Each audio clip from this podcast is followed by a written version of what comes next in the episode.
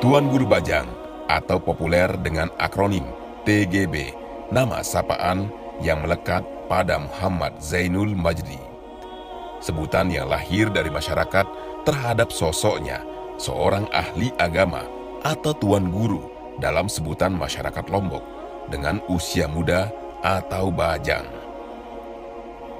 Sebutan ini disematkan saat TGB mulai melakukan aktivitas dakwah berkeliling dari kampung ke kampung, dari masjid ke masjid, menggelar pengajian usai menyelesaikan studi magister di Universitas Al-Azhar Mesir.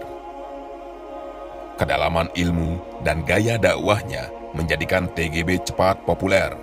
Kehadirannya mengingatkan publik pada kakeknya, Al-Maghfurullah Maulana Syekh, Tuan Guru Kiai Haji Muhammad Zainuddin Abdul Majid, pahlawan nasional, pendiri Nahdlatul Wathon, organisasi yang juga kini dipimpin TGB. TGB menapaki jalan dakwah di medan politik pada pemilu 2004 TGB terpilih menjadi anggota DPR RI. 2008, TGB mengikuti kontestasi Pilkada Gubernur, pemilihan kepala daerah pertama yang dipilih secara langsung, mengalahkan gubernur incumbent dan dua pasangan lainnya yang merupakan para politisi senior. Saat dilantik September 2008, TGB tercatat sebagai gubernur termuda se-Indonesia oleh Museum Rekor Indonesia atau MURI, yakni dalam usia 35 tahun. Usia muda justru TGB menunjukkan kinerja cemerlang bahkan dua periode gubernur. TGB juga menghadirkan sederet sejarah. NTB yang semula dikenal sebagai kantong kemiskinan, kini berubah wajah. Angka kemiskinan saat mengakhiri jabatan turun menjadi 14 persen pariwisata jadi primadona. Kunjungan pariwisata tembus 2 juta pengunjung per tahun atau meningkat 4 kali lipat. Pariwisata NTB yang tengah tidur pulas bangkit menjadi poros perekonomian. Konektivitas kian meningkat dengan infrastruktur jalan mulus dari ujung barat hingga timur. Bandara baru juga hadir sebagai wajah baru di NTB. Capaian di bidang pendidikan dan kesehatan juga kian menggembirakan. Angka kematian ibu dan bayi ditekan, angka putus sekolah bisa ditekan melalui program beasiswa bagi siswa miskin. Atas berbagai capaian ini, secara agregat, NTB selama TGB menjadi gubernur tercatat sebagai pelaksana terbaik Millennium Development Goals atau MDGs di seluruh Indonesia. Menjadi gubernur dengan kinerja excellent tidak merubah wajah dan identitas TGB. Keilmuannya justru memberikan warna dan pondasi yang kokoh. Sisi kepemimpinan dan kebijakan TGB, ulama, dan ahli tafsir Al-Quran tetap menonjol. Salah satu inovasi yang paling moncer menjadi percontohan nasional adalah hadirnya pariwisata halal atau pariwisata ramah keluarga. 2015, Pulau Lombok membukukan diri sebagai World Best Halal Tourism dan World Best Honeymoon Destination.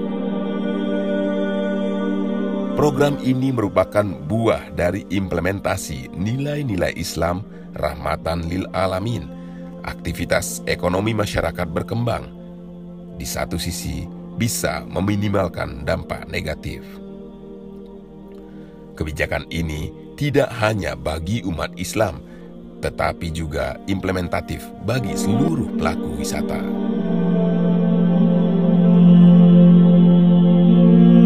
Pembangunan Islamic Center sebagai simbol dan pusat aktivitas dan kajian keislaman juga dibangun.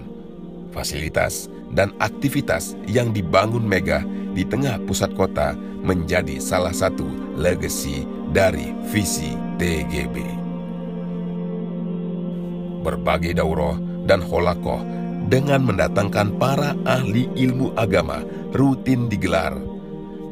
Tokoh-tokoh Islam juga dihadirkan dan sederet ulama dan guru besar lainnya memperkaya hasanah keislaman di NTB yang berjuluk Bumi Seribu Masjid. Selaku alumni Al-Azhar, TGB juga kerap menghadirkan para guru besar dari alma maternya. Konferensi internasional dan Multako Nasional 4 alumni Al-Azhar digelar di Ballroom Islamic Center NTB. Acara ini dibuka oleh Presiden Republik Indonesia, Bapak Joko Widodo.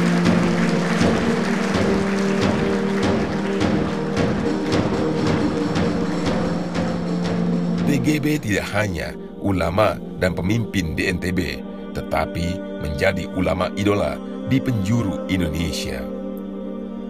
Di sela-sela kesibukannya sebagai gubernur, TGB memenuhi undangan pengajian dan silaturahmi dari Provinsi Aceh yang berada di ujung barat Indonesia hingga Papua di ujung timur Indonesia.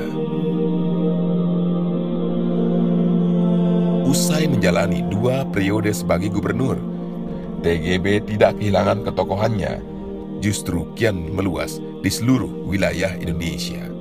Penyampaiannya yang runtun, teduh, dan mendalam menghadirkan Islam wasyatiyah, menjadikan TGB sebagai oase di tengah padang tandus.